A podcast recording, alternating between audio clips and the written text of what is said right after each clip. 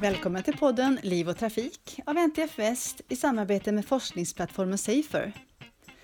Och I det här avsnittet så ska vi prata om ett nytt projekt från Safer som handlar om artificiell intelligens, AI, och hur vi kan använda AI för att minska framtidens olyckor. Och vi har bjudit in Johan Amoruso Benneby som jobbar med Strategy Innovation på Volvo Cars och Erik Svanberg, dataarkitekt på Safer.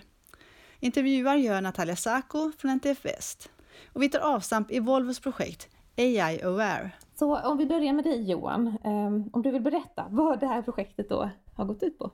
Absolut. AI Aware då, som är ett Drive Sweden-projekt, det är ett initiativ där vi samlas flera parter som försöker då samarbeta kring olika dataströmmar i trafiksystemet med syfte att kunna prediktera olycksrisk på ett vägsegment.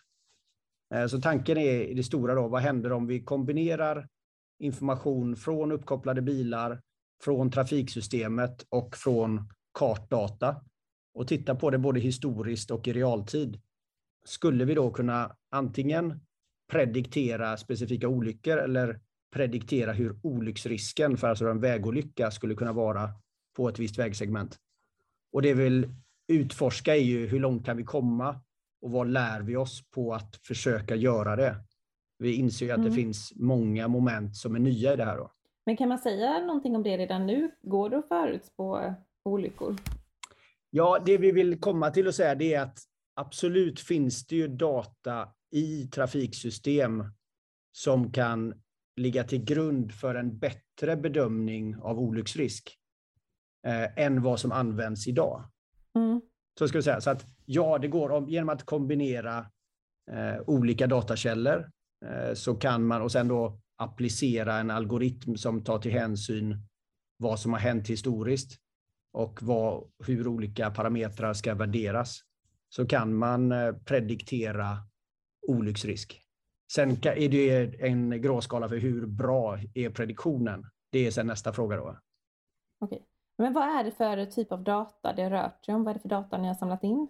Jag ska säga, I det här projektet då så har vi både aktörer från bilindustrin och från Trafikverk och eh, andra mer kartspecialister. Så vi har tittat på datakällor, till exempel friktionsdata som samlas in från uppkopplade bilar. Till exempel eh, kartdata som innehåller specifika attribut på vägnätet som kan vara skarpa kurvor eller krön. Vi har även tittat på väderdata, så få in dynamisk data på hur vädret är och vad som prognostiseras att det ska vara. Eh, och sen kombinerar man de här datakällorna. Eh, självklart tittar vi även på historisk olycksstatistik, så vi tittar på var olyckor skett och när de har skett och hur de här andra parametrarna har sett ut i det sammanhanget. Då. Mm. Eh, men mycket av projektet ska jag säga, går ut på att lära sig samarbeta kring data. Sen att lära sig att förstå datakällor från olika företag och organisationer. För alla har sitt eget språk att jobba med data.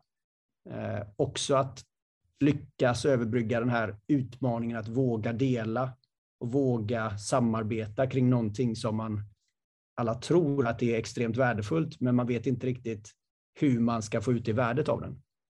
Mm. Ja, och som jag har förstått det så är det en väldigt stor mängd data som ni har samlat in. Man kan mäta det både i gigabyte eller i mantimmar man har lagt ner på att få fram det eller i år som det tagit att samla in det. Eh, men jag skulle säga att det här, vi har tänkt oss i det här projektet att köra på real life och titta på det faktiska trafiksystemet. Så vi har tittat på Göteborg i fokus, men vi har även zoomat ut hela Sverige. Eh, och då har vi tittat på data från eh, ett stort antal bilar. Vi har tittat på data från flera år från Trafikverkets historik.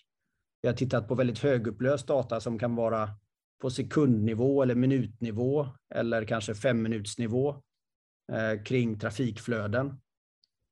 Eh, så att visst, det är stora datamängder. Men det är också bara början ska vi säga. Vi har bara nosat på det än så länge. Sen är det självklart att man kan gå och hitta andra typer av data och annan typ av kvalitet och frekvens för att få mm. bättre precision i arbetet. Då. Ja, för vad tänker man? Vad är vinsten med att samla in så mycket data? Tanken är väl det så här underbygget i alltihopa att eh, AI eller ML, då, machine learning, eh, gillar att ha mycket data att jobba med. Att du får mer precision, du lär dig att se mönster bättre om du har mer data. Så att studera en olycka i alla dess detaljer kan ju vara mycket värt. Men du får ut en helt annan effekt om du studerar 10 000 olyckor och då kan se mm. mönster i dem. Det är väldigt svårt att se mönster i ett litet eh, datamaterial då kanske. För det är det det, hand, det handlar om egentligen i grund och botten, att försöka se mönster. Att ha tillräckligt mycket information för att kunna se mönster. Ja, det tror vi att det är nu. Jag ska säga att vi är i början av det här och vi tror att det är viktigt att se mönster som man sen kan försöka förstå när trafiksystemet bygger upp till att se ut som ett sådant mönster som innebär hög risk. Då. Mm. Eh, vi känner ju alla till Tingstadtunneln och vi vet eh, någonstans magkänsla är att en fredag eftermiddag, eh, om det är dåligt väder, så kan det vara rätt så olycksbetonat då kring Tingstadtunneln i Göteborg. Och då kan mm. man börja titta på vad är det för mönster som byggs upp så att det sker. Ja, Precis, ja, hur, hur, applicerar man det på verkligheten? Vilka typer av olyckor tänker man sig att man kan få bort genom den här tekniken? Ja, det vi tänker, som vi har tänkt här, så är det ju, vi ser det, det sker olyckor lite överallt, men faktiskt när vi börjar gräva i det så är det rätt svårt att få fram information och data om alla olyckor. Och då ser vi att det finns olika datakällor som täcker olika delar av vägsystemet olika bra. Eh, för oss har det varit högt, väldigt relevant att veta ja, vad ska jag säga, med väldigt hög precision när en olycka skett för att då kunna förstå hur eh, trafiksystemet såg ut vid det tillfället. Och vissa datakällor som har med olyckor att göra, som då täcker kanske hela Göteborg, de kommer från sjukvården till exempel. Och där kan du få en bild som att det skedde en olycka igår. Men det räcker ju inte då för att förstå hur trafiksystemets mönster såg ut för igår är ett för vitt begrepp då. Så att vi har, i det här projektet har vi begränsat oss mer till större leder som har övervakning till exempel av Trafikverket och där man får ut eh, bättre information med högre precision på position och tidsstämpel för en olycka. Då.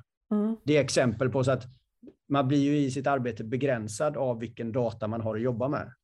Och det har vi också sett att vi ligger, vi har jobbat väldigt mycket under det här projektet att få plattform på plats för att kunna samarbeta kring data, få avtal på plats för att folk ska dela med sig av data.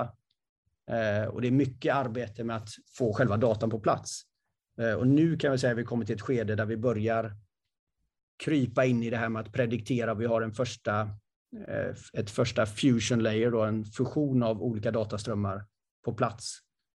Men vi är precis i början av det här skedet. Då. Mm. Hur, vad, vad är det för tidsram vi pratar om? Hur långt, långt i framtiden kan man förutspå olyckor? Eller? Ja, vad ska jag säga? Det här projektet, ska bara börja med det, är ett ettårsprojekt bara. Eh, så vi har ju tänkt oss det som ett sätt att nosa på det. Eh, vi hade ju en ambition att tänka oss liksom en tidslucka som är relevant för vanlig vardagstrafik och för en trafikledningscentral.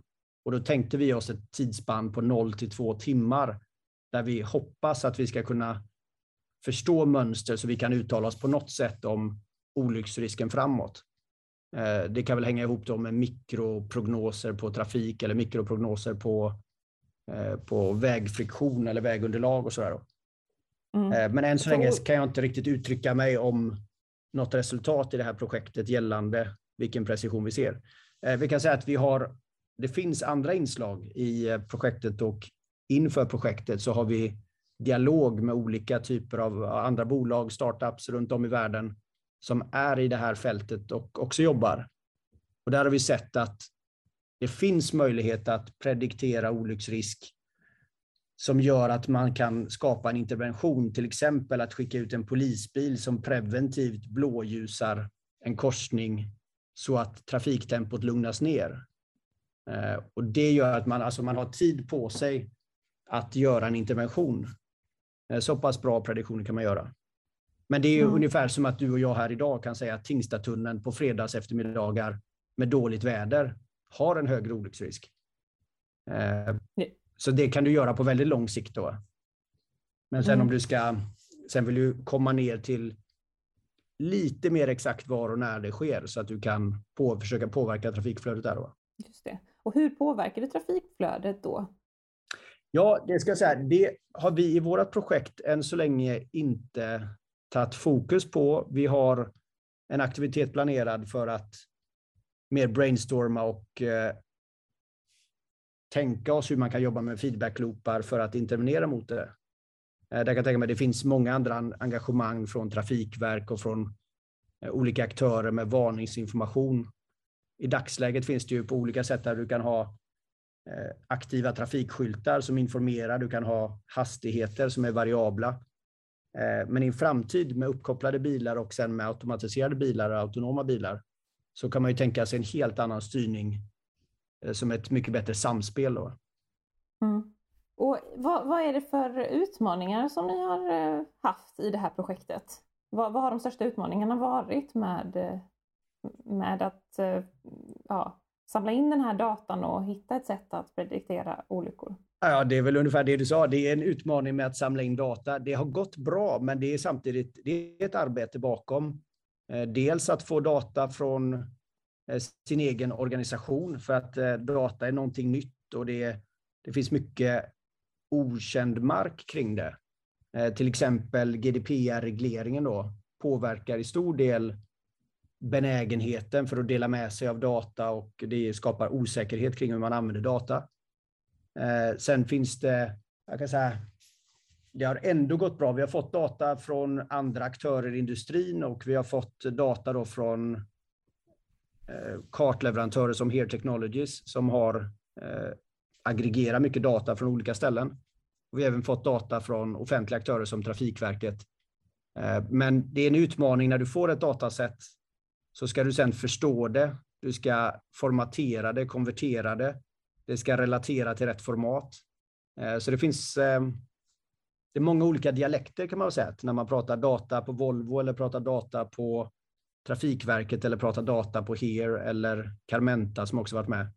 Eh, så måste man förstå vad det är för språk man pratar, kanske konvertera datan eller relatera den till ett format som fungerar. Så att mm. det, är, det är mycket arbete med det. Ja. Och jag tänker att vi nu kanske kan bjuda in Erik Svanberg från Safer också som jobbar med datainsamling. För det här handlar ju mycket, det här projektet AI-Aware, om hur man använder, hur vi, ah, man använder sig av artificiell intelligens, AI, för att eh, förhindra olyckor ehm, och öka trafiksäkerheten. Och om, jag tänker, om ni båda funderar över vad AI på sikt kan betyda för trafiksäkerhetsarbetet, vad är er spontana tanke då? Nej, men jag, jag tycker att det här AI Aware-projektet är ett väldigt spännande projekt och precis som Johan har nämnt där så har man testat på lite potentialen med att använda AI eh, i trafiksystemet. Men jag tycker verkligen att det är värt att poängtera det här med att våga dela, att samarbeta. Det är en otroligt viktig nyckel eh, inom, som alla aktörer i det här egentligen eh, kämpar med. Kan jag säga. Eh, sen tycker väl jag att eh, AI redan idag används i trafiken Eh, vid ruttplanering, vissa mobilitetstjänster inom frakt och logistik. Men mycket pågår också och en hel del av det kommer ut på vägarna om ett par år. AI kommer nog att gälla väldigt många beslut som fattas i trafiksystemet. Eh, det mest uppenbara fallet är väl en bil som, som kan köra själv och fatta sina beslut. Men det finns en otrolig eh, potential i den data att faktiskt effektivisera trafiksystemet, att få bättre trafikstödsystem eh, ehm, eller till exempel inom godstransporter. Då. Ehm, föraren då, som står för merparten av, av, dagens olyckor kommer på sikt att ta sig ur ekvationen, men det är ganska långt eh, tills vi är där. Mm. Och jag tänker bara för den som inte vet, på vilket sätt används AI i trafiksäkerhetsarbetet idag? Ja, för bara ta exempel från bilar idag som har de har ju kameror i sig och det finns mycket, vad säger, AI, artificiell intelligens, är ju kanske då ja, det är spetsen, men machine learning som ligger till grund där och eh, statistiska modeller, mycket analys. Det används ju i, i aktiva säkerhetssystem för att styra bilen, för att bromsa bilen. Eh, det arbetas säkert med även på trafikstyrning, trafikledningssystem och som Erik nämnde i mobilitetstjänster av olika slag eh, så började det poppa in. Det kom ju in i i alla smartphones. Det finns röstassistenter. Röstassistenterna kommer in i bilen. Det är ett samspel mellan det här. Så att eh, ja, det finns kameraigenkänning. Nu är det olika situationer i olika världsdelar. I Sverige har vi väl inte så mycket övervakning, men i många delar av världen så finns det ju mycket övervakning medelst eh, AI och ML.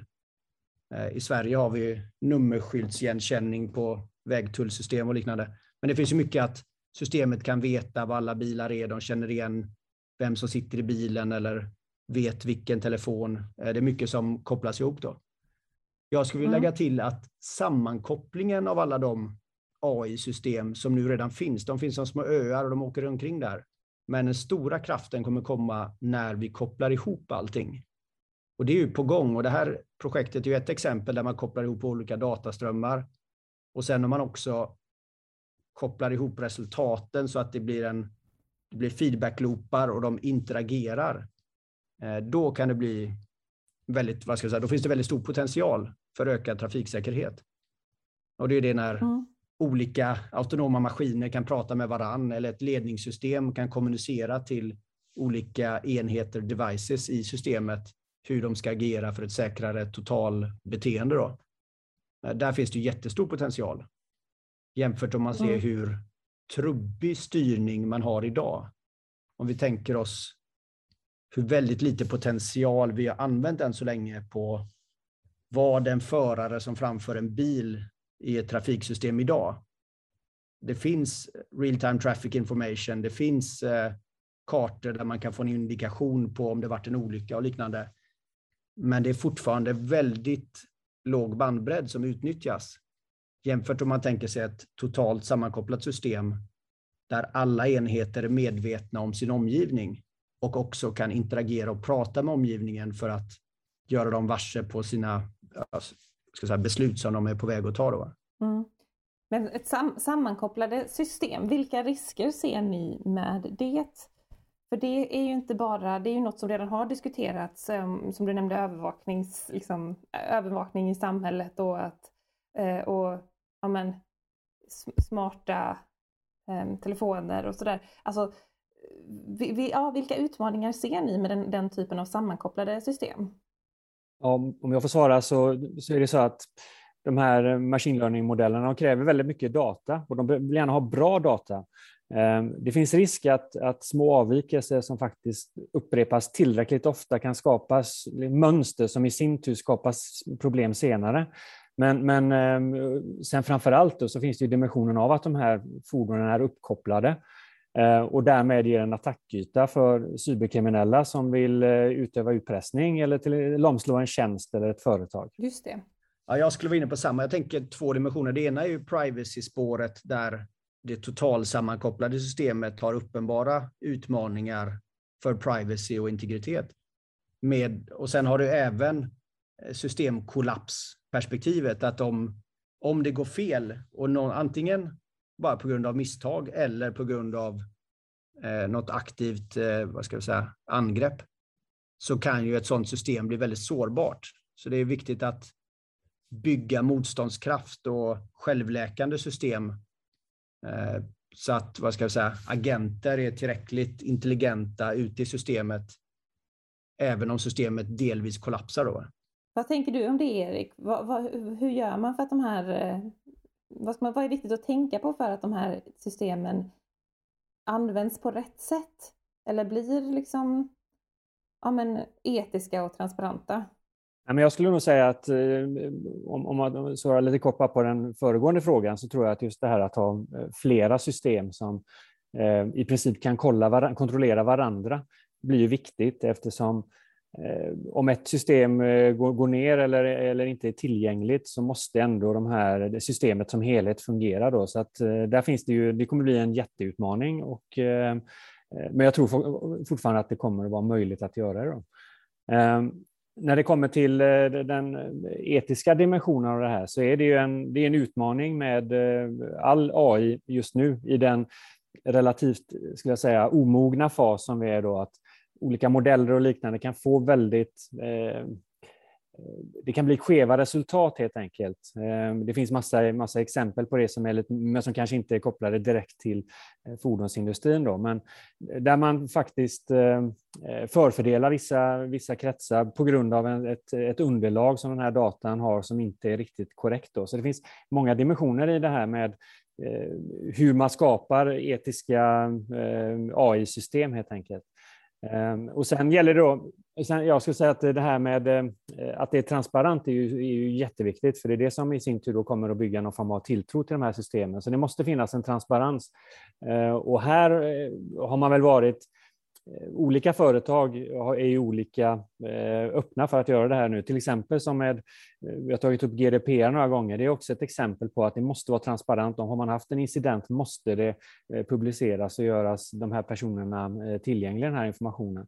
Det är ett exempel på att man måste öka på den här, för det kommer att bygga förtroende i sådana fall i slutändan för de, de, de här systemen. Mm. Ja, men jag tänker det, hur viktigt är det att man testar och anpassar den här typen av system för olika eh, miljöer, olika situationer, olika väder. Hur liksom, viktigt är det för att det ska vara, göra någon nytta för hela samhället? Det är nog jätteviktigt, men det är, hela samhället är en sak. Hela världens alla olika samhällen är väl den dimensionen vi står inför. Vi ser ju det inom självkörande bilar, så finns det många tester började i Arizona med väldigt breda, enkla, platta vägar Eh, få vänstersvängar ungefär. Va? Eh, och det var ingen händelse att man började där. Eh, men sen så sprids det ut och det kommer till mer och mer komplexa trafikmiljöer. På samma sätt tänker jag väl här också. Att som Volvo Cars, vi har valt att börja med det här projektet i Göteborgsområdet. Och där vi ville utforska med Volvo Cars penetration av bilar i Göteborgsområdet, vad vi kan få för modell då. Men när vi designade projektet så hade vi också en dialog med Singapore. Och eh, det har varit en målsättning att vi skulle göra en spegling av projektet i Singapore. Än så länge har inte det startat upp eh, på grund av en med dialogen med Land Transport Authority. Men poängen med det var att testa en miljö där vi har väldigt mycket uppkopplade bilar och sen testa vad vi kan göra i en miljö där vi har mycket färre, mycket lägre penetration av uppkopplade bilar från just Volvo Cars. Men se då ett sådant samhälle som Singapore har kameror som i realtid filmar hela vägsystemet, då, alla motorvägar. Eh, och då kan man se hur en sån datakälla kan användas istället. Då. Så att eh, man får nog ta ett globalt perspektiv. Och sen finns ju hela jag ska säga, tredje världen, det finns eh, stora delar av världen som har, en, de har mycket högre olycksantal, mycket högre jag ska säga, antal dödsoffer i trafiken och en helt annan situation för trafikinfrastruktur och digital sensorinfrastruktur. Eh, så det är, också, det är en helt annan utmaning. Men där skulle jag väl kunna se att det arbetet vi gör här skulle framöver kunna föras över och även kunna bidra i en sån situation. Mm. Men hur ser det arbetet, eller det samarbetet eh, mellan olika nationer, hur ser det ut idag? Alltså är, är vi på väg ditåt? Eh, och hur viktigt är det för att den här typen av liksom, system ska kunna implementeras? Den här typen av frågor eh, på fordonstillverkarnas och tjänstetillverkarnas eh, initiativ sker ju på en högre nivå än ett lokalt land, för det, går, det finns ingen som har råd att utveckla de här typen av tjänster bara för, eh, med fokus på ett specifikt land, utan det måste vara mycket större. Man måste samordna, man måste förenkla de regelverk och tillståndsprocesser som är i, i, i olika länder. Sen kan man väl säga att det börjar bli lite mer kopplat till Eh, Eh, ja, som EU blir en, en enhet, USA en annan och sen har vi Asien som en tredje just nu. Då. Men eh, även där pågår det samtal om, om hur man ska kunna samordna och förenkla för att det här ska kunna gå eh, fortare och vara mer effektivt än om man ska göra det här eh, helt eh, som, som enskilda silos. Då. Mm. Men om, tänk, om, vi tänker från andra hållet då, när vi pratar lite om risker och utmaningar, men vilka är de största, eller de första, största vinsterna som ni ser med eh, AI? Vilken potential har det för trafiksäkerhetsarbetet?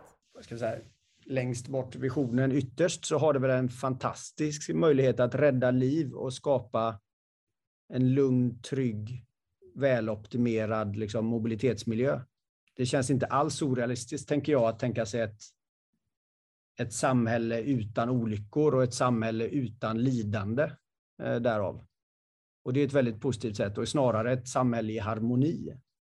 Det ser jag att eh, AI har potential att ta med sig för mänskligheten.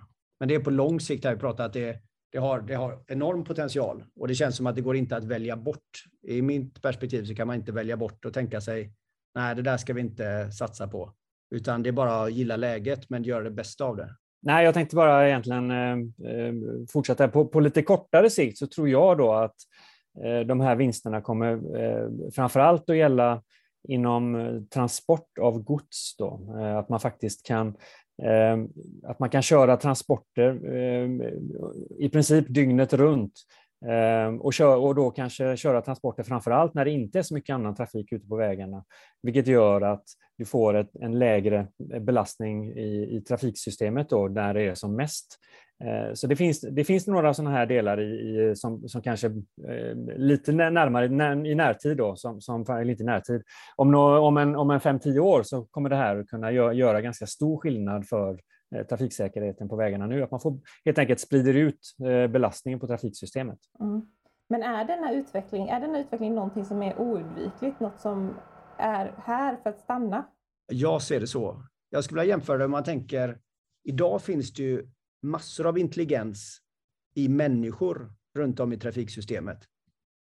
Bland förare, bland gångare, bland de som har designat infrastrukturen och de som leder trafikstyrningen.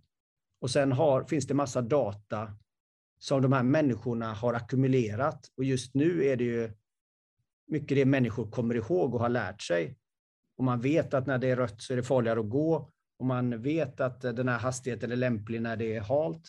Eh, och man vet vad som är optimalt och hur man ska styra Tingstadtunnelstrafiken på en fredag eftermiddag. Och allt det är väldigt mycket mänsklig intelligens och mänskligt inlärd data. Och då är det, nu när det finns en möjlighet att överföra det till då maskinellt, maskinell intelligens eller då artificiell intelligens och sen otroligt brutalt mycket större kapabilitet att eh, använda data, komma ihåg data och relatera till jättestora datamängder. Eh, så klart att det blir väldigt kraftfullt. Och vi kommer ju säkert jobba i en eh, intelligence augmentation så att det är mänsklig, mänsklig intelligens inblandad men som blir vad ska jag säga, förstärkt av maskinintelligens. Eh, så ser jag en möjlighet och det, det, liksom, det, vore helt, det vore helt onödigt att välja bort det. Det är som att säga att det är lika bra att vi fortsätter att, att gå eller rida trots att det finns eh, fordon med, med andra typer av drivlinor som kan transportera oss mycket snabbare. Eh, det känns onödigt att välja bort det då. Så jag ser inte att det finns någon, ja, det är ett positivt val att gå vidare och det är, liksom, det är så det kommer bli. Ja, jag, kan bara, jag kan bara hålla med. Det, det kommer att eh, gå vidare. Jag tror att det kommer bli den här förstärkt förmåga som, som eh, Johan pratar om. För att eh, både kanske som en, som en enskild förare men också då på beslut som gäller lite större delar av trafiksystemet som kommer att göra det helt enkelt effektivare. Ja, för vi har pratat om eh, trafiksäkerhetsvinster, men ser det några andra vinster, några, några hållbarhetsvinster?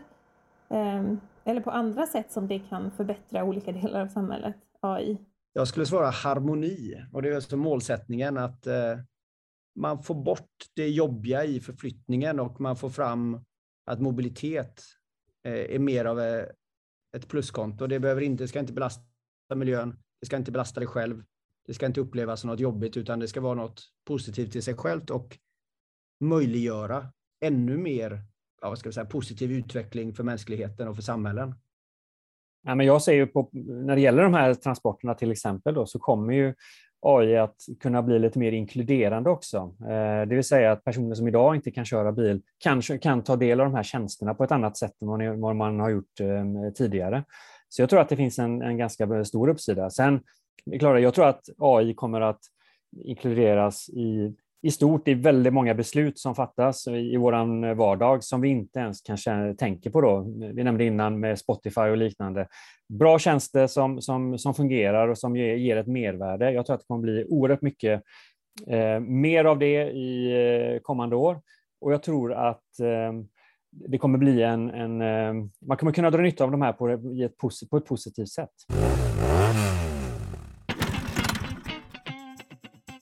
Och vi säger tack till Johan Amoruso Venneby från Volvo Cars och Erik Svanberg från Safer. Och mer forskning från Safer får du höra i nästa avsnitt av Liv och Trafikpodden. Och du hittar oss som vanligt på livotrafikpodden.se.